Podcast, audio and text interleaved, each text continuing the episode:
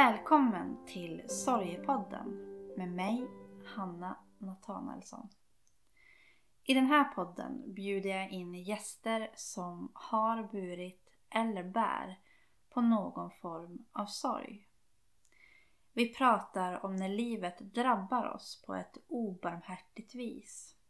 Men också om att glädjen kan få finnas med trots allt det svåra. Och framför allt att glädjen kan komma åter. Det finns inget mörker där inte ljuset kan få bryta igenom. I dagens avsnitt ska vi få lyssna till hur det är att möta sorg i sin profession. Under 20 års tid jobbade Charlie Rendahl som polis. Oräkneliga är de gånger som han har fått lämna besked till familjer om att deras anhörige inte längre är i livet. Sedan två år tillbaka har han sadlat om och äger nu och arbetar på sin egen begravningsbyrå.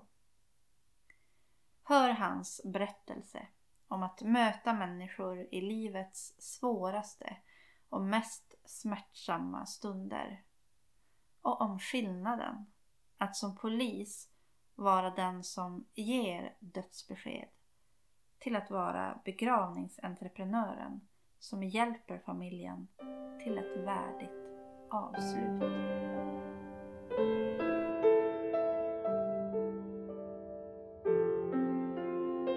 Då vill jag hälsa Charlie Rendahl varmt välkommen till Sorgepodden. Tack så mycket. Det här samtalet kommer att skilja sig lite grann från de samtal jag haft innan. För då har jag pratat med människor som bär på sorg eh, och som har varit med om någonting väldigt smärtsamt.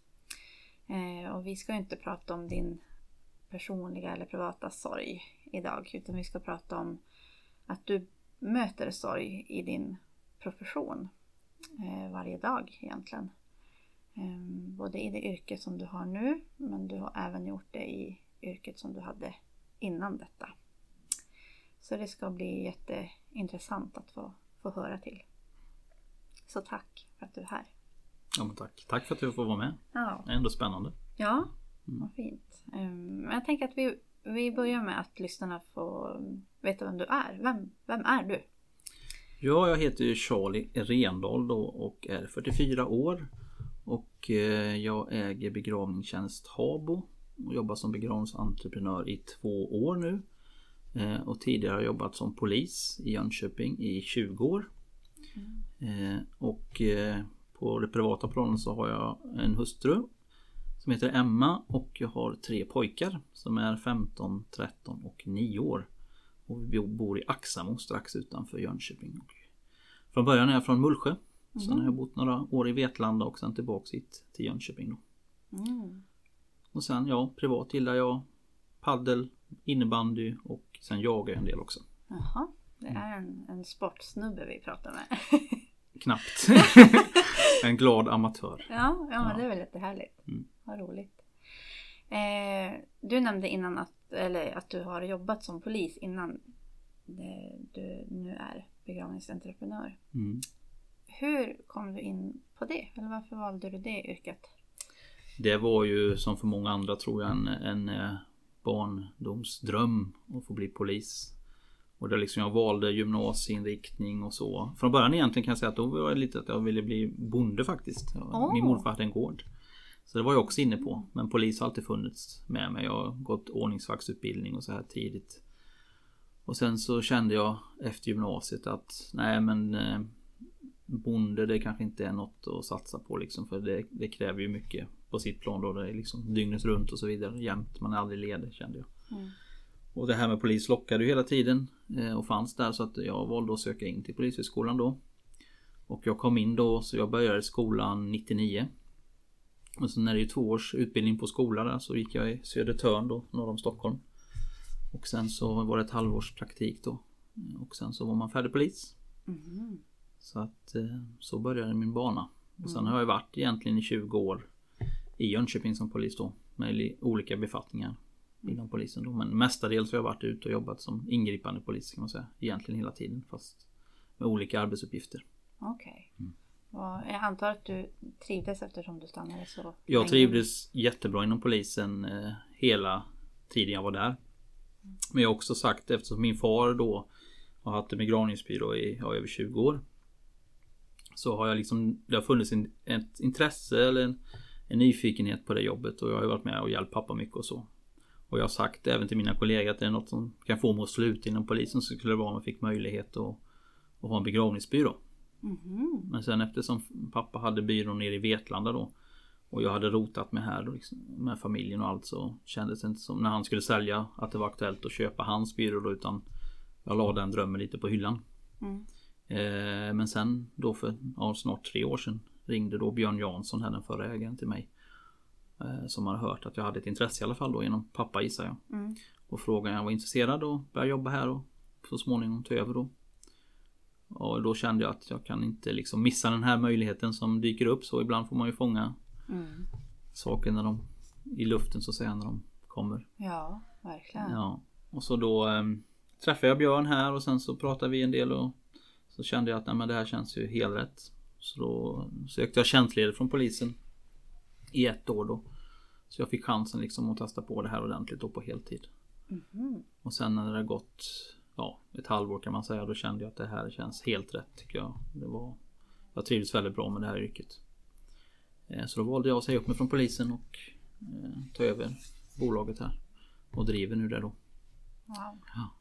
Så på den vägen är det. Så fantastiskt. Mm. Men eh, jag tänker att eh, det finns för, likheter med de här yrkena och jag antar att det också är i och med att du har verkligen älskat att, att vara polis eh, men också känt så starkt att ja, men, får jag chansen då vill jag, eh, då vill jag verkligen jobba på begravningsbyrå. Eh, vad var det som gjorde att du drogs till, till det här yrket? Ja men det är ju att man, man måste ju ha en grundinställning att man tycker om och jobba med människor och hjälpa människor i olika situationer och därför jag ville bli polis också. Att kunna finnas där när det är svårt och jobbigt och, och få ordning och hjälpa dem så gott det går så att säga som har problem eller som utsätts för brott och så vidare då. Och det är likadant i det här yrket. Det går ju igen där liksom. Man finns här. Man möter familjer i sorg eller som har det jobbigt. Man stöttar dem så gott man kan. Man får ordning så att säga i kaoset på något vis. Och det var lite så inom polisen med. Det, för familj i sorg så är det kanske ofta ganska kaos. Vad händer nu? Vad ska vi göra? Och finnas där då och kunna ordna upp de här sakerna. Och underlätta för familjen så långt jag kan med den, den erfarenheten och kunskapen jag har. Det, det känns väldigt fint och det är det som, som gör att man trivs med jobbet. Att man kan underlätta för andra människor. också. Mm. Vad är det hos dig som gör att du kan stå bredvid i de situationerna? Eh, en del människor säger ju att eh, det där skulle jag aldrig klara av för att det når en så, så djupt själv. Vad är det som gör att du, att du klarar det? Ja men det är väl en, en kombination om ens personlighet att man har den förmågan helt enkelt. Eh, det är inget som man kan eh, få liksom. Man kan väl bli bättre på det genom att träna och så men jag tror det på något sätt måste finnas medfött att man klarar av det. Och sen har ju mitt yrke som polis gjort att man har ställts inför situationer som är väldigt jobbiga men det finns ingen annan där som kan lösa situationen än jag i min yrkesroll. Och då har man fått ta det här klivet fram. Det var väldigt jobbigt i början också som polis. Liksom att nu måste jag fram och ta tag i det här. För det finns ingen annan som kommer liksom komma och hjälpa till. Utan nu hänger det på mig. Och det blev ju en, så att säga, en vana av det med. Och sen kände man sig bekvämare och bekvämare i, i den rollen. Och finnas där så att säga i de här jobbiga situationerna också. Mm. Så det är ju det är tack vare mycket av polisyrket som har, har gjort mig trygg i den rollen och kunna stå bredvid och även när det blåser. Så är det ju. Får ni någon slags eh, typ debriefing i, i det yrket? Är det, Ja, det får vi. Det var ju inte så mycket i början när jag började för 20 år sedan men eh, polisen har blivit väldigt mycket bättre på det. Så idag får man i princip alltid frågan när det har hänt något jobbigt eller om man har varit med om något dödsbud eller så att att om man vill ha debriefing och gruppsamtal och så vidare. Mm. Så att den möjligheten ges egentligen i princip alltid nu. Mhm. Så det är en stor skillnad Mm. mot hur det var förr då. Mm. Men i det här yrket är det inte kanske debriefing på samma vis. Nej, det har man inte. Man är ju lite mer ensam här. Sen har man ju alltid kollegor omkring sig och andra som jobbar i branschen. Mm. Och det är väldigt bra. Idag är det liksom väldigt bra samarbete mellan byrån också. Så man kan ringa och ställa frågor och man kan prata om någonting också. Man, så man har stöttning Mm. på olika håll. Och sen Björn, den förra ägaren då finns ju kvar så han har mycket samtal med. Sen har jag ju personer som är anställda på tim och så här då som jag också pratar med när det blir jobbigt. Då. Sen får ju min hustru liksom ta en bit också så är det Ja. man behöver prata av sig hemma ibland när det har varit extra jobbigt då. Så. Ja, för jag tänker att du möter också människor i, ehm, i det allra svåraste. Mm. Ehm, och i det, det, det sköraste som... Ja men så är det ju och sen Sen är det så här i mitt yrke nu då att, att eh, Här möter man ju folk jag vet inte om man kan beskriva olika typer av sorg men jag skulle vilja säga så att Att en del Kanske mamma är 93 år och har somnat somna in då och, och ringer mig och vill ha hjälp med begravningen. Och det är klart de är väldigt ledsna och, och sorgsna liksom, och liksom förlorat sin ma- mamma. Men eh, den sorgen är ju en del av livet. Alltså de, de på något sätt ändå medvetna om att det här sker. Eh, det är ju en helt annan sak när det ringer någon när någon ung har gått bort eller liksom någon som är mitt i livet då. När, och det kanske kommer hastigt och mer som en chock för familjen att det här har hänt. Och det är en annan, annan typ av hantering kan jag tycka. Liksom, eller, Mm. eh, då är det ofta lite tyngre eller väldigt mycket tyngre. Och då kan det ju påverka även mig på ett annat sätt. Mm. Speciellt när det är yngre människor. Då. Det är ju Mm. liksom ofrånkomligt. Så det hade väl varit konstigt om jag inte liksom kände empati för det måste man ju. Det gör man ju för alla men Mm. det tar ju djupare ibland så är det ju bara. Är du hjälpt av där ditt, eh, jobbet som, som polis? Där har du fått möta människor som verkligen har ehm, eh, hamnat i chockartade situationer. Jo men det är man ju. Man är liksom eh, Man kan säga att uniformen på något vis skyddar en lite. Mm. I alla fall i situationen man var i den och, och träffade en person som man skulle meddela dödsbud för exempelvis. Eh, och det är väl likadant här att man går in i sin yrkesroll.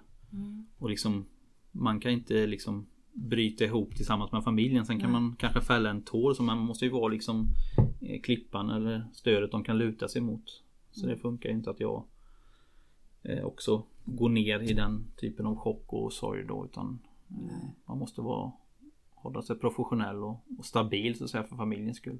Mm.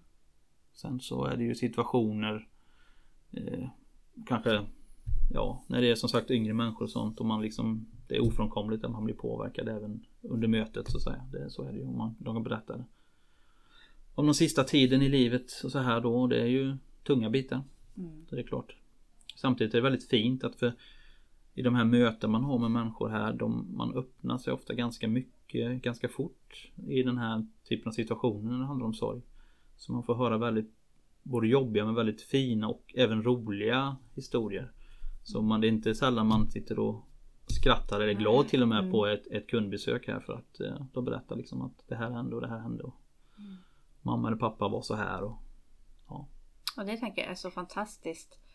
Eh, som jag också upplever det här i arbetet med människor i sorg. Att, att man får ta del av en så stor del. Alltså att det, det handlar inte bara om sorgen. Utan man får se så mycket kärlek och Mm. man får se glädjen. Och det plockas fram minnen och roligheter. Eh, och så får man samtidigt stå i det, i det sköraste och i det svåraste. Mm. Men det är helt det är fantastiskt att få Ja men det är det verkligen och man som sagt Det är ju en grund Jag tror Vad ska man säga Grundkänsla man har eller ett intresse. Alltså man är intresserad av Av människors berättelser liksom och Jag har ett genuint intresse av att, att lyssna och liksom Få ta del av andra människors livsberättelser och historier och så, så mm, det, det, det kommer liksom Eller jag har, det kommer naturligt att man vill lyssna liksom. Så att det, Och jag, jag växer alltså, eller Hur ska man uttrycka det? Man Man mår bra av att höra andra människor också och få dela livet med dem så att säga. Mm. Mm. Mm.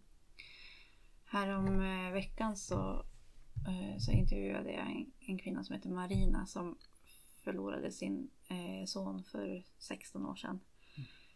Eh, och hon berättade på ett sånt gripande vis hur hon, när hon kom tillbaks från sin förmiddagspromenad så stod det en, en civilpolis på, på gården för att, att ge henne det här fruktansvärda beskedet.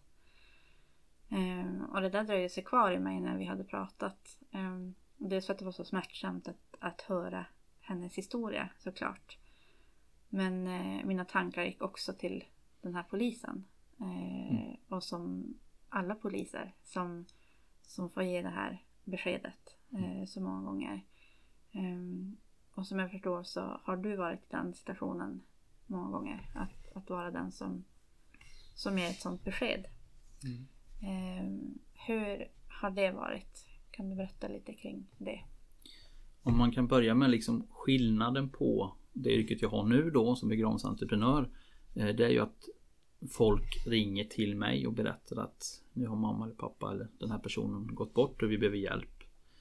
Eh, när man var polis var det ju jag som fick meddela eh, de anhöriga att en person har gått bort eller inte finns kvar längre. Och det, det, är faktiskt en vid, eh, vid skillnad på de två sakerna. Eh, för man, man visste när man åkte hem till någon och skulle berätta att den här personen har gått bort och den, kom, den finns inte kvar i ditt liv. Att man skulle riva upp hela deras värld och liksom deras liv skulle aldrig bli sig likt igen. Så det var en sån stor, stor händelse för dem. Så det kunde vara väldigt, väldigt tungt och man kunde vara känna liksom oro lite hur, hur ska de reagera. Men precis som allt annat så man gjorde det här inte allt för ofta men det hände ju några gånger hela tiden liksom kanske en, två gånger i månaden så att säga under hela sitt yrkeskarriär. Så det blir ju många dödsbud tyvärr. Mm. Så att det blev ju också en, en vana tyvärr om man säger så. Men man blir ju tryggare i den rollen och kunde hantera det bättre och bättre ju längre yrkeserfarenhet man fick. Mm. Men sen kunde man ju aldrig förbereda sig på hur de anhöriga eh, skulle reagera. Nej. En del blev ju bara tysta och liksom, man fick inte liksom Har du förstått vad jag säger? Man fick nästan Det var ju viktigt att repetera då liksom och berätta igen vad som har hänt. Mm. Och vissa liksom, jag Bland det hemskaste då var det en Det var ett självmord en gång och då fick jag åka hem till föräldrarna och de Pappan blev ju så knäckt så han bara sprang ur huset och sen bara han kröp alltså på alla fyra på grusgången. Han visste inte vart han skulle ta vägen. Du vet, så det, man kan aldrig veta hur och det är ju något fruktansvärt att behöva se det. Alltså det är klart Man går inte opåverkad från en sån situation. Det har jag börjat med mig hela livet. Liksom hans reaktion. Mm. Så är det ju. Men eh, som sagt vi hade bra Bra stöttning inom polisen och fick samtala liksom. Vi hade varandra. Vi var ju aldrig själva på ett dödsbud till exempel. Utan Vi åkte alltid två och två då så. Okej. Okay. Jag var med i alla fall. Mm. Var, var det någon gång i de här eh, I det du har varit med om är det någon gång som du har känt, alltså du vet att det har nått dig så att du har känt så här. Nej, jag fixar inte det här. Det här vill inte jag göra. Ja men det är klart jag har känt så. Det är klart det Jag har ju många exempel på den här ja, Framförallt självmord då liksom. Jag, när det var en mamma som tog sitt liv och liksom Dottern hade sin studentfirande dagen innan. Och ballongerna hängde kvar i huset och liksom det hade varit fest kvällen innan liksom. Sen hade mamman valt att avsluta sitt liv på grund av olika anledningar. Men eh, där vill man ju inte vara. Man Nej. vill inte finnas där men det var lite som jag var inne på innan. Det fanns ingen annan som som tog, gjorde det. Jag var liksom, det var min, min roll att göra det och sen vill man inte eh, lägga över det på en annan kollega. Då får han liksom, man vill ju försöka lösa det här man har fått uppgiften så att säga. Mm. Och oftast har man ju fått uppgiften av en anledning att man har ett förtroende från, mm. från de ledningen så att säga som önskar att jag gör det här. Mm. Sen är det ju, man vill ju som sagt inte behöva gå igenom det som polis heller. Sen kan jag ju inte på något sätt jämföra mig med det de upplever, de anhöriga. Men det är klart det är en fruktansvärd situation. Mm. Så är det ju. Och det är ju... Hur mycket tankar eh, sätter igång hos en själv. Alltså jag tänker man har, du har din familj och eh, dels så, så tänker jag, jag kan föreställa mig att man efter en sån dag åker hem till sin familj och eh, mm. Kramar dem lite extra. Eh, mm. för man, man vet vad man har liksom. Men, men eh, vad gör man med alltså, allt det du har fått se och fått vara med om? Hur, hur rädd blir man eh, om sitt eget liksom? Och, Jag inte, jag, man blir inte rädd men man uppskattar eh, sin familj och livet på ett helt annat sätt tror jag. Jag liksom Jag tänker nästan dagligen, det gör jag fortfarande liksom Fantastiskt, här har jag mitt hus och min familj och de är friska liksom. Så jag försöker verkligen tänka på att vara tacksam för det jag har liksom. Så det tror jag verkligen ändras i mitt liv. Att liksom jag uppskattar vardagen eh, mycket mer så att säga än vad jag gjorde tidigare i livet. Liksom, ja, små saker som bara man gör varje dag liksom. Att man vaknar på säga, Ja. och får gå upp och äta frukost. Och jag sitter där vid mitt köksbord och min nioåring sitter jämte mig och äter liksom. Jag kan bara, och då kan jag bara komma till mig ibland. Åh vad fantastiskt jag får äta frukost med min pojke. Som jag gör varje dag. ja. Men liksom jag försöker verkligen tänka på det. Alltså vilken, vilken gåva ändå. Jag tänker det här är verkligen någonting som man önskar att vi alla ska få. Alltså livet går på hela tiden. Man är stressad och det, eh, det är så lätt att fokusera på vad man inte har till exempel. Mm. Eh, och ofta så krävs det ju nästan eh, att ha fått se eh, livets baksida för att förstå det stora i att man faktiskt får vara med och att man har människor runt omkring sig som man älskar som också får vara med. Mm. Eh, så jag tänker att det är ändå en, en jätte, jättefin gåva att, att verkligen få, få känna den tacksamheten på det djupet som du... Mm, ja men det gör jag Beskriver. verkligen. Och liksom, jag tycker att den här, jag vet inte om många som har sett den här tunna blå linjen. Man fångar ändå mycket bra i den och det är att liksom att du jobbar men du har ett privatliv och det fortsätter precis. I princip vad du än går igenom på jobbet så måste du åka hem och du måste fortsätta ditt privata liv och vardagen måste eh, rulla på. Och det kan ju vara väldigt, väldigt tungt ibland men liksom det är så det fungerar. Men så det gäller samtidigt att liksom ha en trygghet i familjen då. Det har det varit viktigt för mig i alla fall. Kunna liksom ha dem där hemma. Sen har det väl påverkat mig så att folk som det händer saker som jag kan tycka är trivialiteter i sammanhanget då men som kanske är jobbigt. Nu pratar jag inte om sorg utan kanske andra vardagssaker så här. Så det blir lätt för mig, ja men det, vad har det för betydelse egentligen kan jag tänka. Så det gäller för mig också att se från andra människors håll också, men för dem är det här Ja. en stor grej liksom. Men för mig tycker jag kanske att ja, men det finns mycket värre saker. Ja, mm. Så det är också en liten baksida på det hela då, att man måste även se de små sakerna fast man Jo, för jag tänker att vi alla har det man kämpar med och så har man utifrån sina förutsättningar och Mm. eh, att, eh, så det är nog också viktigt att vi alla tänker att, eh, att ingenting egentligen är för, för litet eller för Nej. stort för att Ja men det är jätteviktigt och liksom De människorna jag möter har inte gått igenom det jag har gjort så jag kan inte, de, jag kan inte döma dem på något vis för Nej. liksom det de har synpunkter på. mm. Så är det. Men eh, det här med att ehm, de människor som du har mött, jag tänker i de här situationerna när du har fått åka hem och ge dödsbud och andra situationer också liksom. Vad, hur mm, är det människor som du har fått möta upp senare eller är det bara den kontakten du har och sen så I de flesta fall eh, så är det ju bara den kontakten man har. Och det har ju varit väldigt jobbigt. Speciellt när man inte har fått en reaktion eller när man känner att de är ensamma liksom i det här. Då tycker jag det är liksom jobbigt. Jag vill inte lämna dem så att säga. Men jag försök, vi försökte ju alltid se till att det kom dit någon. Men en del är ju inte, vill ju inte ha en präst eller någon där liksom. De vill inte liksom att kyrkan ska vara involverad. Men det blir också kommunen och räddningstjänsten väldigt duktiga på här i de sista åren liksom att de har de här POSOM-grupperna då som posen. Ja det är en de, Det är en akutgrupp som rycker in så att säga vid lite allvarliga händelser egentligen Egentligen vid större händelser liksom om det är flera olyckor, olyck, förolyckade och sådana saker då Men eh, de börjar också hjälpa till eh, vid sådana här dödsbud och kunna åka hem till familjen om det bara Eller bara men om det var en person som var förolyckad då exempelvis då och finnas där för familjen Men ditt uppdrag är, så, det är liksom slut när du har Ja eh, kommit med beskedet. Liksom. Ja men så är det ju. Mm, Sen mm. finns det ju familjer som har kontaktat mig i efterhand liksom och, och följt upp. Men jag har aldrig valt egentligen att följa upp eller ringa tillbaka till en familj liksom utan Ja. mitt jobb har varit avslutat. Men jag har sagt att vill ni ringa mig så, så går det givetvis bra. Ja. Men ofta blir det ju efter Det kan ju gå flera månader liksom och då Man kanske landat i någonting och då kanske man, de ringer och vill Prata eller tacka så då Så det känns ju väldigt fint så då får man den återkopplingen men oftast fick man ju lämna det vid Vid, vid att De här personerna man mötte mådde väldigt dåligt faktiskt så var det ju Mm. Och sen, men man gjorde ju allt vad man kunde för att hjälpa dem så långt det gick i den situationen och att på något sätt att de skulle få vidare stöttning så att säga. Mm. Av samhället eller kommunen på något sätt då. Mm. Så att de inte stod ensamma i detta. Nej. Så att, mm. Oj. Vilken... eh, Jag tänker att det krävs sin person för att eh, orka stå i...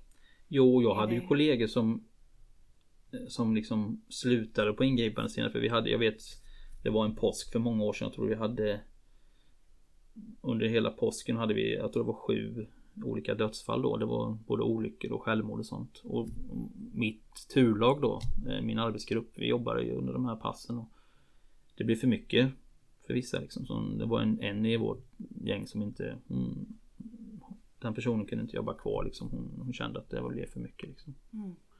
Och det får man ha full respekt för för det, det är ju Det är ju egentligen inte någon som ska kunna hantera det på att säga. Nej. Men det så att det Nej det, blir- då blir det väldigt tufft. Så är det ju. Mm. Men då får man ju som sagt De kollegor man jobbar med eh, Har ju också en trygghet och stabilitet och man får luta sig lite mot dem då. Det var så jag gjorde. Man, man fick ju en väldigt nära relation med sina kollegor. Man kunde ju prata om allt liksom.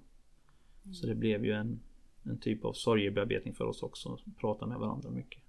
Jag kan tänka mig att man verkligen delar livet i ett sånt, alltså med sina kollegor på Mm. en sån arbetsplats. Eh, för det funkar inte att, eh, att vara lite sval och cool. Nej absolut inte. Det, sånt. de som tror att poliser är hårda det, De har fel uppfattning. Många är väldigt faktiskt mjuka och omhändertagande. Så att, eh, Mm. Sen är det många, alltså man behöver ju vara rätt stark mentalt då så att säga. Mm. Så det är ju också viktigt liksom. Att man klarar av de här situationerna. För det, sen kan man bryta ihop men man måste komma tillbaks på något vis så att säga hela tiden. Mm. Så det, det är en, en konst i sig men Mm. det blir ju en, också en yrkesvana liksom som andra jobb. Även om man aldrig vänjer sig när man träffar familjen liksom de bitarna men liksom man måste kunna gå vidare i sin yrkesroll och, och släppa på något vis. Sen lever ju vissa av de här situationerna kvar hos mig för alltid och kommer alltid finnas kvar och det, är liksom, det får jag leva med. Sen tänker jag inte på dem dagligen men det kommer situationer ibland som gör att man påminns om, om vissa saker. Så är det ju. Mm. Det, det är ju bara så. Jag upplever ju att man kan bli, jag brukar ehm, eh, säga det som att man blir brännmärkt av vissa människor som man möter. Det finns vissa människor som man för alltid bär med sig. För att det är, ja men, i mötet med, med människor som bär på sorg eller så. Att man, för att man, man blir berörd. Mm. Ehm, och man kan liksom inte, ja men man, man, det, det är någonting man bär med sig. Med vissa personer. För, för alltid på något sätt. Ja men så är det verkligen alltså Det går ju inte att värja sig för allting liksom, som, som jag beskriver så Man måste på något sätt lära sig att leva med det istället så att, säga. att De här sakerna har påverkat mig och Kommer till viss påverka mig hela livet och Det kanske gör att man får en lite ändrad syn på vissa saker Mm. Så, så är det bara Det har ju liksom Format mig som person Det är ju ofrånkomligt liksom Det är klart det har gjort det Mm. Men, men känns det ändå som en positiv eh, sak att bli omformad av? Jo, det är liksom som jag säger, man har fått en annan syn på livet och är mer tacksam, så är det ju. Och sen Det är ju inte när jag kommer och lämnar, när jag var polis och lämnar ett dödsbud, det är inte jag som är orsaken till att det har hänt. Jag är budbärare men liksom Jag har liksom inte varit del i den här händelsen på det viset så att jag har kunnat ändra någonting. Nej. För vi kommer ju ofta när det är för sent då. Mm. Eh, Så det har väl varit också på något sätt att man har skyddat sig med att liksom jag har bara kunnat göra det jag kan och hjälpa så långt jag kan. Sen känner man sig otillräcklig. Mm. Men liksom Man får ju helt enkelt bara hoppas att familjen får den hjälp och stöttning Mm. de ska få Mm. i fortsättningen. Du nämnde innan att eh, det var som en helt annan, det här att när, i ditt nuvarande yrke när människor kommer till dig eh, och eh, att, det, att det skiljer sig väldigt mycket från att, att ge eh, dödsbud till att egentligen få dödsbud. Alltså du, Mm. du får ju deras. Mm. De kommer till dig när det redan har hänt. Mm. Ehm, och jag vet att du också har ehm, tidigare nämnt när vi har pratat att ehm, det är kanske ännu mer mjuka värden i det här yrket eh, som begravningsentreprenör. Mm. Ehm, vad, vad tycker du är liksom den, den största skillnaden så att in det du jobbar med, med nu och vad, vad är det som gör att du eh, verkligen har landat i det? Jo men det är, det är ju den som jag sa lite innan i början här att, att man har möjligheten att hjälpa de här personerna. Nu får jag ju möjligheten att ta vid där jag tidigare slutade, fick gå ifrån situationen. Nu får jag ju komma in där där polisen har lämnat. Mm. Nästa samtal är kanske till oss på begravningsbyrån. För många är det ju ett hemskt samtal att behöva ringa. För då är det liksom definitivt på något vis att nu är det liksom Det gör man ju bara Mm. när man har gått bort i princip då. Mm. Eh, och få ta vid då och få möjligheten att möta familjen och liksom hjälpa dem vidare. Eh, det är det som jag tycker är det fina med det här yrket liksom. Att kunna finnas där som sagt. Och, och den finaste återkoppling jag kan få från familjen jag känner. Det kändes så tryggt och vi liksom behövde inte göra någonting utan det var ordnat allting liksom. Att det har, det har funkat liksom. Mm. Bara det betyder mycket för mig att få höra liksom. För då känner jag att då har jag gjort vad jag kan i alla fall för att Mm. underlätta för dem i den situationen. De ska få ha sin sorg och, och sörja i, i lugn och ro så att säga. De ska inte behöva. Sen blir det alltid lite praktiska saker att tänka på men så mycket jag bara kan eh, göra det, det försöker vi ju göra här. Mm. Sen är ju sorgen så olika. Jag säger det att i början så, så sa jag, svarade jag i telefon och de berättade att någon hade gått bort och så jag beklagat sorgen och jag fick fler än en gång här. Det är inget att beklaga säger folk. Att då, då är man i den situationen att men, mamma har varit dement i fem år. Hon har varit cancer. Hon, hon har tynat bort. Och så, här. För, Mm. så för en del är det till och med en befrielse att, att när döden har kommit liksom att deras anhöriga fått, fått ro helt enkelt. Mm. Så nu, nu uttrycker jag mig mer för att uttrycka mitt varma deltagande och så då bara för att inte någon ska känna att man behöver inte beklaga sorg alltid för, för en vissa är det en befrielse.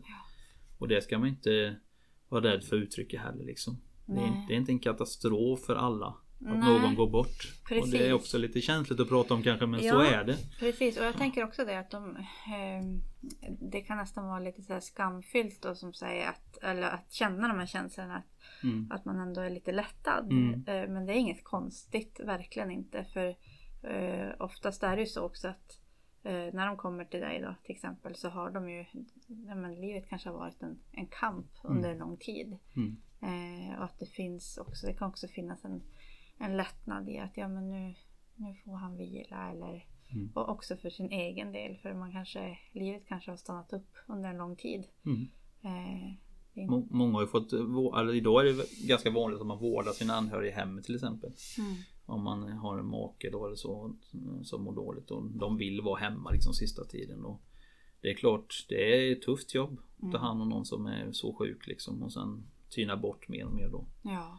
Så att, eh, sen är det ju alltid en sorg eh, men kanske också, det är blandade känslor. Det är ju eh, både sorgen och befrielsen. Och, ja. Och ibland kanske den största sorgen har varit innan. Om en människa blir sjuk till exempel då kanske man har börjat sörja redan då för att den personen som man älskade och kände Mm. har redan börjat försvinna. Alltså i, i sjukdomen eller liksom. Så sorgeprocessen kan ju ha pågått Verkligen, länge. verkligen. Mm. Jag måste bara ta ett exempel på Vi pratade om det här vi gjorde, Jag satt och gjorde en annons med några anhöriga och då så Hade hans fru gått bort i cancer och sen så I annonsen skrev man då har lämnat oss historiskt saknad. Det är ju ganska vanligt uttryck. Mm. Och då ville han Och då kan man liksom Tycka nästan det blir lite Jobbigt att höra men då Äntligen vill han alltså skriva Men där kan vi inte skriva så ja. Men det fick ändå fram Han var ju jättebedrövad över att hans hustru gått bort Men hon hade ju kämpat så länge Så hans känsla var att äntligen har hon fått frid liksom Ja. Sen är det inget man kan skriva i en annons givetvis och ta till han Det kan vi liksom Nej. inte För det uppfattas ju fel och, Ja. Men hans känsla blev ju ändå som, för han hade ju kämpat så länge liksom och han var ju glad för sin frus skull som fått ro och frid Ja. helt enkelt. Och det är så bra, så bra att du tar upp det tänker jag. För att, för att det också finns, det är också en verklighet. Att, Mm. att människor känner så och upplever så.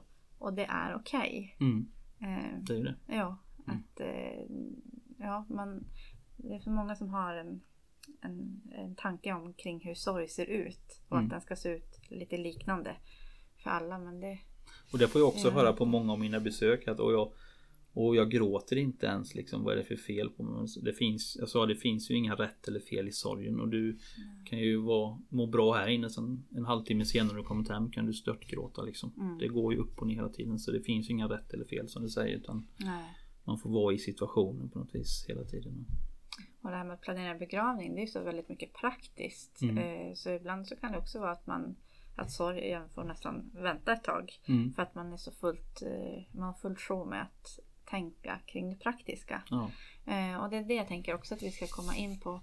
Eh, För jag möter många som är rädd för just det här att, eh, att mm, gå till en begravningsbyrå, alltså den dagen det, det ska ske.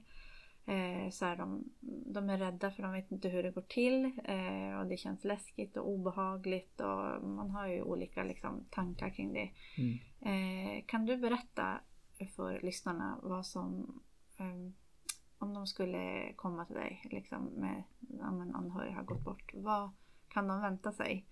Hur går det till? Det, det första som man gör då när man tar emot samtalet att någon har gått bort är ju att fråga var den personen är avliden för någonstans. Mm. Så är det så att man inte har gått bort på ett sjukhus då ordnar vi så att personen blir hämtad i om det är hemmet eller på ett vårdhem då. Mm. Så då ordnar vi transport. Eh, och sen så då, och här i Habo och Jönköping då hamnar ju alla på Ryhov på bårhuset där då. Mm. Eh, och sen eh, bokar vi också in ett möte då där vi kan träffas. Eh, och det går ju då också det digitalt men jag vill ju helst ses så säga, fysiskt och det är 99% vill ju det. Mm. Och då antingen gör jag ett hembesök då eller så kommer man hit till byrån i, på Byråntjänst Habo här. Eh, och möter upp mig på kontoret. Och eh, jag börjar alltid med att fråga lite om ja, hur man mår och hur personen som har gått bort, vad det var för någon individ och hur hans eller hennes liv har varit och hur sista tiden har varit och att om alla har fått möjlighet att ta avsked och så, lite sådana frågor. Mm. Eh, och sen blir det ju mycket praktiska frågor. Man brukar säga att det är mellan 40-50 frågor man får svara på på besök. Men samtidigt ska man veta det att man går igenom det mesta den här dagen med mötet med mig. Och sen så liksom kan man släppa väldigt mycket av det praktiska efter det. Liksom då har vi hand om det så att säga. Då har den information jag behöver. Mm. Men, men det vi tittar på först är ju vilken form av begravning man vill ha. Vill man ha kremation eller ska det vara jordbegravning? Eller vill man ha en akt med urna då? Mm. Och sen tittar vi även på datum och sen ringer vi kyrkan då som är aktuell för begravningen och kollar om det är ledigt just den datumet och tiden de önskar. Eh, och sen när vi har kommit fram, kommit så långt eh, då brukar vi göra en annons Eh, som vi gör tillsammans då. Det gör man ju digitalt idag så man ser ju den direkt när den är klar. Så man skapar den tillsammans med kunden här. Och sen tittar vi lite igen eh, på kista och om man vill ha urna och sånt då. Och får välja, det. Och sen går man igenom lite blommor, hur programmet kan se ut på gudstjänsten då, begravningsgudstjänsten. Och sen pratar man om lite sång och musik och sånt under gudstjänsten. Och psalmer tittar man lite på och ger lite tips och råd om vad man kan tänka på. Eh, Och har man i Svenska kyrkans ordning så är det ju egentligen prästen som skapar programmet med anhöriga men jag informerar ändå om hur för de har ju en ordning som de använder så Mm. då informerar de den så de känner sig trygga när prästen ringer att de här frågorna kommer komma. Mm. Och sen går vi alltid igenom eh, praktiska frågor som juridik då, saker att tänka på med vad händer med alla konton och vad är en bouppteckning, hur går den till och, och så vidare. Och sen är det ju Men sådana grejer informerar jag om och säger att det, det tar vi efter begravningen. Tar ni begravningen de här bitarna först och sen återkommer jag efter begravningen till er med fortsättningen då så tar man sådana bitar. Har, eh, har kunden möjlighet att eh, från att de har varit här till att det är begravning, för det kan ju ta ett par veckor. Mm.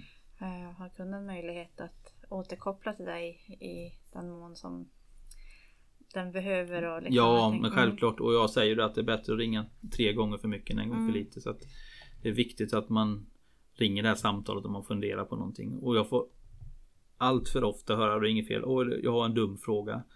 Men det är det är det vanliga svaret. Det finns absolut inga dumma frågor. Liksom. Det här är ingen situation, tack och lov, som man är i ofta. Nej, precis. Så det finns ingenting som är konstigt att fråga utan man måste fråga liksom istället för att gå och fundera och så här. Mm. Och jag återkopplar alltid även enkla saker. Jag ringer gärna hellre än och, mejlar och så här då för att prata. Mm. Så inte det blir några missförstånd och så. Så det är jätteviktigt att ha en, en kontakt och jag ringer alltid dagen innan begravningen och stämmer av det sista och går igenom liksom själva begravningen med dem. Och sådana här bitar då så de känner sig trygga liksom. Mm. Och sen att jag finns med om det är en press så finns han ju med och liksom jag leder er. Jag hjälper er med fram till avskedet och liksom tar hand. Så ni, ni ska bara vara i, ta hand om varandra och finnas där liksom i sorgen. Mm. Så att eh, mm, de känner sig trygga helt enkelt. Mm. Fantastiskt att få. Jag tänker i en sån situation att, att bara få lämna över det till någon som kan. Eh, och så får man eh, bara, behöver man bara eh, vara i sorgen. Eh, Ja men det är enkelt. därför som sagt man Man vill ju att de verkligen ska känna det liksom att vi Mm. kan släppa det här nu. Vi behöver inte Boka minnesstundslokaler, vi behöver inte boka maten, vi behöver inte ta emot alla samtal med folk som ringer och anmäler sig till minnesstunden om de ska ha det. Eh, Vi behöver inte fixa med blommorna. Alltså Nej, just det. det är mycket sånt praktiskt som de ska slippa helt enkelt efter de har varit här på besöket. Som sagt det blir många frågor. Eh, men det kanske är de här två, två och en halv timmarna. Som man sitter här och går igenom. Och sen så, så ska de kunna släppa mycket av detta. Mm. Mm. Eh, finns du med även på minnesstunder och sådär? När de... Det gör jag ofta. Men inte på alla. En del familjer väljer att ha minnesstunderna själva. Eller de kanske till och med har minnesstunden hemma hos någon av de anhöriga då. Mm. Eh, Men ofta är jag med på minnesstunderna. Mm. Och finns även med där som stöd. Mm. Mm. Det. det är ett fint och viktigt arbete. Ja, jag tycker ju tycker Ja. det också. Ja. Så är det ju. Ja. Det är ett privilegium som jag säger att kunna få jobba med det här för att jag tror inte folk och det, det kan man inte begära heller med att man förstår liksom hur mycket jobb det ändå är som ligger bakom då så att säga som inte folk ser och, och kunna finnas där då och hjälpa till med det. Ja, det känns bra faktiskt. Mm. Mm. Ja, jag tror också att det är Det är min uppfattning i alla fall att väldigt många människor inte vet för att de också tycker det är lite obehagligt det här med, med sorgen och döden och man vill ju inte att det ska drabba en själv. Så man vill inte nästan prata om det eh, för att det kommer för nära på något vis. Mm. Eh, men det tänker jag också att jag skulle verkligen vilja skicka med de som lyssnar att, att det är så ehm, ehm, jag menar att ofta så är ju mötet med en begravningsbyrå mycket mer positivt än vad de hade kunnat tänka sig innan. Mm. Eh, för att det är inte så där hårt och kallt som jag tror att man har uppfattningen av. Utan det är mycket mer eh, men varmt ombonat och att man faktiskt får den hjälp som man behöver. Mm. Eh, och att Verkligen. det blir mer ja, men man, det blir mer greppbart än efter man har varit och besökt Ja. en byrå. Och det, man ser ju det på folk som kommer hit liksom De är ganska spända liksom De har stora anteckningsblock med sig liksom Mm. Och liksom hur De tänker att de ska skriva upp allting de måste göra och så liksom Man ser bara axlarna bara sjunker Ja. efterhand så här de slappnar av och de De lättar liksom när de går härifrån så är de Oftast väldigt tacksamma liksom Oj liksom vi har kommit jättelångt känner de liksom och vad mycket som vi har löst idag som vi trodde skulle bli problem och så här Ja. Så det, det, det är faktiskt fantastiskt att kunna finnas där För dem Det måste jag säga Och där vill jag också bara eh, flika in och verkligen eh, eh, dig. Eh, därför att jag har ju haft förmånen att få, få arbeta bredvid dig ibland. Eh, eh, som, ja, eftersom jag är officiant och sådär. Så jag ser ju dig i, i mötet med de anhöriga och sådär. Eh, och eh, jag vet att du är väldigt, väldigt eh, fin i ditt bemötande och duktig på det du gör. Så jag vill verkligen ja, men, slå ett slag för, för dig och din byrå. Och att, att människor verkligen ska känna att de kan, kan höra av sig den dagen det, det är dags för, för det. Även om det är en väldigt smärtsam sak. Men att det, ja, Mm. de, de kan verkligen vara trygga i dina, i dina händer. Men tack. Så att eh, mm, det är Det verkligen... värmer alltid att höra. Ja men det är verkligen, det är sant. Ja, tack. Så att, eh, ja, det vill jag verkligen eh, få fram. Eh, men jag tänker, hur... Vad skulle du säga är... Eh, hu- hur viktigt tror du att en begravning är för sorge, eh, alltså sorgearbetet för en människa? Jag tror det är väldigt, väldigt viktigt att få det avskedet. Det, jag tror det är en stor del av hela sorgprocessen. Det finns någon, alltså på något sätt före och efter.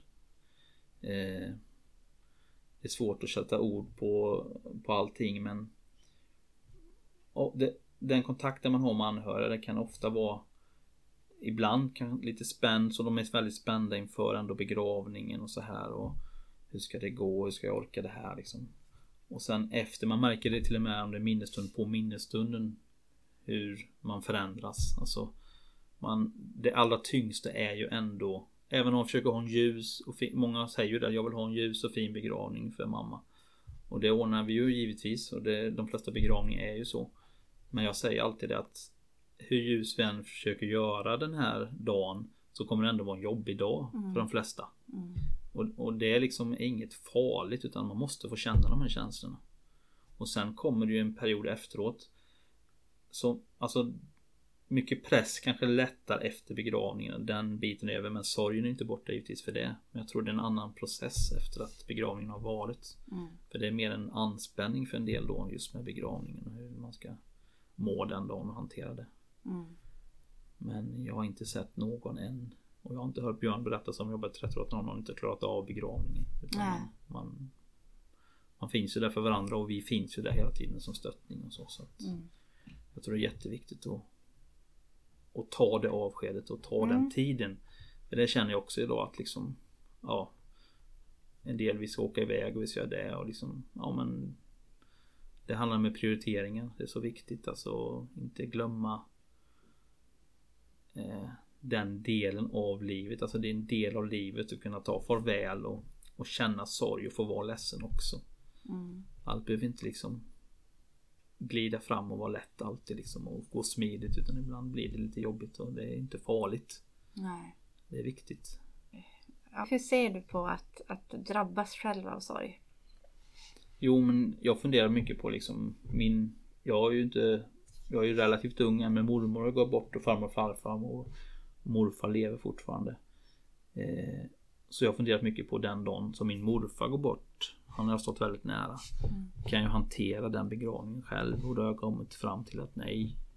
Det ska jag inte utan då måste jag precis som jag lära andra. Jag måste finnas där i sorgen och liksom ta hand om mig själv den dagen. Mm. Även om det hade varit fint att kunna få göra allting och hjälpa familjen med morfars begravning. Mm. Men eh, eh, Och jag kommer nog hjälpa, alltså ordna vissa saker men själva begravningen då vill jag vara där och närvarande. Då vill jag inte vara där i min yrkesroll Nej. utan då vill jag vara där som Charlie.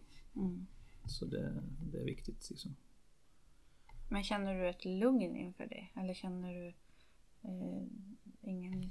Jo men jag är inte, döden är ju inget som skrämmer mig. Sen kan jag ju vara rädd för att det ska hända någonting med min familj, mina Mm. barn. Alltså, så de, alltså, men som min morfar då som är 86 år nu liksom. Det kan vara en jättejobbig dag för mig när han går bort, det vet jag ju. Mm. För- Som vi har stått varandra nära då. Men samtidigt så vet jag att det är ofrånkomligt och han liksom får frid också den Mm. dagen. Så det är inget som skrämmer mig även om jag vet att det kommer bli en tuff period för mig då. Mm. Men eh, ja Svårt att sätta ord på det där. Men eh, det är inget som, som skrämmer mig det är det inte. Det jag är rädd för är att Att Jag vet hur snabbt livet kan förändras om man Ja, säger så. mm. Och skulle det hända någonting med min familj och så Man kan känna ibland att nästan Att det sticker i fingrarna liksom när jag börjar tänka på det så att jag känner sen Man kan känna början till en sorg fast man inte Bara man Mm. tänker på Mm. det liksom att Om min son skulle hända något med han Mm. liksom Ja, det, den tanken tänker jag att man inte riktigt klarar att tänka heller. Liksom. Och då är det ju som sagt Inte någon naturlig del liksom. När morfar går bort så är det liksom någonting Mm. som jag vet kommer ske snart. Mm. Och det är liksom en del av, av livet på något sätt. Liksom. Det var hans tid och liksom, han har levt sitt liv. Jag vet att han hade ett bra liv och, och liksom levt färdigt om man får uttrycka sig så då. Mm. Men hur Mm. ser du på din egen död? Ja men det har jag också funderat på liksom och eh, Vi har till exempel det här livsarkivet då där man kan skriva sina Sista önskningar och så här. Och det promotar jag väldigt mycket för jag ser ju hur det underlättar för anhöriga Att ha det här livsarkivet med sig från mamma eller pappa då Att så här vill vi ha det, de här sångerna vill vi ha och så här och Jag vill kremeras exempelvis Det är rätt tunga beslut att ta om man inte vet hur någon vill ha det. Liksom, Mm. Vill mamma kremeras eller inte? Liksom, usch, det kan vara rätt tuffa beslut. Så det är ju något som jag eh, Eftersom jag promotar eller pratar mycket om det själv. Det har varit viktigt för mig också att fylla i liksom. Det känns ju jättetidigt för mig. Mm. Förhoppningsvis ska jag ju leva Jag har ju bara levt hälften av livet då. Mm. Eh, Men man vet ju som sagt aldrig. Så det är viktigt för mig att Den dagen det skulle hända då. Om det nu händer snart eller om 50 år. Så, så ska de anhöriga i alla fall slippa att ta sådana beslut. Mm. Så, så, så har jag tänkt praktiskt på döden. Mm. Men sen är det inget eh, jag är inte rädd för döden. Jag vet inte, det är liksom Ja, jag är liksom inte orolig för eh, och Sen har jag ju en tro och det kanske underlättar också. Men jag är liksom inte orolig för liksom Döden i sig så utan när det händer så, så händer det liksom. Hur ser tron ut? Eh, vad, vad, hur påverkar den eh, ditt sätt att se på döden? Ja men jag tror den största delen är att det finns ett hopp. Jag, jag känner det liksom ibland. Alltså familjer, det finns inget hopp. Liksom, det är bara svart. Det finns ingen tro på att man ska mötas igen och det vet jag inte om vi får. Men jag har ändå en, en tro på det liksom och en förhoppning att det ska bli så. Mm. Och jag tror det finns ändå ett ljus liksom någonstans då. I sorgen också. Mm. Än att det bara ska vara svart. Allting. Slut. Mm. Så för mig är det viktigt. Jätteviktigt. Mm. Och det tror jag också underlättar i det här jobbet. Att man liksom Det finns ett hopp någonstans. Mm. Ett ljus. Verkligen. Mm. Jag höll en begravning en gång som där jag eh, var ombedd av de anhöriga att jag fick under inga omständigheter nämna ordet hopp. Eh, de tyckte att det var helt fruktansvärt och det var det. Det, som de, eh, det var en pappa som hade förlorat sin, sitt enda barn. Eh, och som, det var ju, det är klart att det var en fruktansvärt hopplös situation. Eh, men det var också en, en svår utmaning att inte få eh, få- få nämna, eller liksom, ja, att inte, att inte ha med det i beräkningen. Mm. Att det finns ett hopp, för då blir det väldigt becksvart. Mm, ja men det tycker jag med. Mm. Mm. Det, blir, det, det finns en skillnad i det Mm på något sätt. Vad, eh, vad skulle du vilja eh, säga till, till människor som är lite Alltså som tycker att det här är väldigt eh, obehagligt och eh, tycker det är jobbigt det här med, med döden och att eh, någon dag behöva besöka en begravningsbyrå själv och eh, så här, vad, vad skulle du vilja skicka med till, till dem? Först jag vill skicka med att alla på något sätt kommer drabbas av sorg. Alla gör det på något sätt. Och det är ofrånkomligt liksom om det sker som en naturlig del av livet att man blir gammal och går bort. Eller att man drabbas av plötslig och chockartad sorg för att någon anhörig går bort. Eh, sorg händer alla. Men det är inget farligt med sorg. Det är, det är jobbigt och det gör ont och man kan känna sig helt hopplös och, och så här men Men Det finns en väg framåt hela tiden. Och, och det finns, om man inte har familj eller nära vänner som kan stötta en Så finns det hjälp att få. Folk man kan prata med. Och eh, så det finns alltid stöd. Och vi på begravningsbyrån finns ju här och vi kommer ju Vi gör ju allt som sagt som jag berättat för att underlätta eh, för de anhöriga så mycket det bara går. Och, och även hjälpa vidare om man behöver stöttning då med samtal och sånt. Så att eh, det finns hjälp och man ska inte vara rädd för att söka hjälp. Och det finns ingen sorg som är fel eller rätt. En del är helt förstörd och känner förkrossade och mår jättedåligt. Och en del liksom som vi pratade om kan till och med känna en typ av befrielse. Liksom att, och det är ingen skam i det heller. Utan det, det, är känslor. Och de kan man inte styra över utan de finns inom en. Mm. Mm. mm. Är det någonting som vi har eh, missat att eh, ta upp eller som du känner att eh, behöver komma fram? Oj, det var en svår fråga. Har vi missat någonting? Mm. Nej, men jag tror vi har kommit, berört rätt mycket nu av ja, hur det är med både sorgen och hur det är. Jag hoppas man har fått en uppfattning om lite hur det kan vara att möta oss här på begravningsbyrån. Att, mm. att vi finns, vi är här liksom för att hjälpa till och underlätta och inget annat liksom. Och det finns, vi dömer aldrig någonting om man har eh, om man vill ha borgerlig begravning eller om man vill vara i kyrkan liksom. Utan vi hjälper alla oavsett Mm. Och oavsett tro eller om man inte har tro så finns vi här för alla. Mm. Så det behöver man aldrig känna någon liksom skam eller oro för. Liksom att, däremot kan jag tycka då att det är alltid fint att ha någon typ av ceremoni. Mm. Om det bara är att man är med och sänker, om det nu är en urna. Mm. Men att man finns med och, och liksom tar ett avsked, det tycker jag ändå. Och det, det är lite för att visa respekt för den avlidne på sätt också. Mm. Men också för sorgeprocessen tror jag ja. att det är något oavsett vad man har för relation. Mm. Det finns ju gånger där det är väldigt trasig relation och så. Mm. Men där kan det också behöva få ett avslut. Um, så jag tror också det att det behövs. Det, det är viktigt. Jätteviktigt. Det är verkligen sant. Mm. Mm. Stort tack för att du eh, har varit med här och bidragit med din kunskap och eh, allt vad du har har varit med om. En liten bit av allt som du har varit med om. Mm. Eh, jag tror att det har varit eh, ja, men det är bra att få, att få lyssna till eh, för många människor. Eh, en sista fråga bara. Är det här ditt kall i livet tror du? Ja det tror jag faktiskt. Jag ingen, jag saknar mina kollegor som jag säger på polisen. Det kommer jag alltid göra. Mm. Men eh, jag trivs väldigt bra med det här jobbet måste jag säga. Så det är verkligen mitt kall. Mm. Och om man vill ha eh, hjälp av dig, eh, hur gör man då? Då kontaktar man oss på begravningstjänst Habo och man kan ringa då på 036 400 50. Vi har jour dygnet runt så vi svarar alltid i telefon. Mm. Så det är bara att slå en signal. Mm. Superbra. Mm. Tack snälla Charlie. Mm, tack Anna för att jag fick vara med. Mm, tack.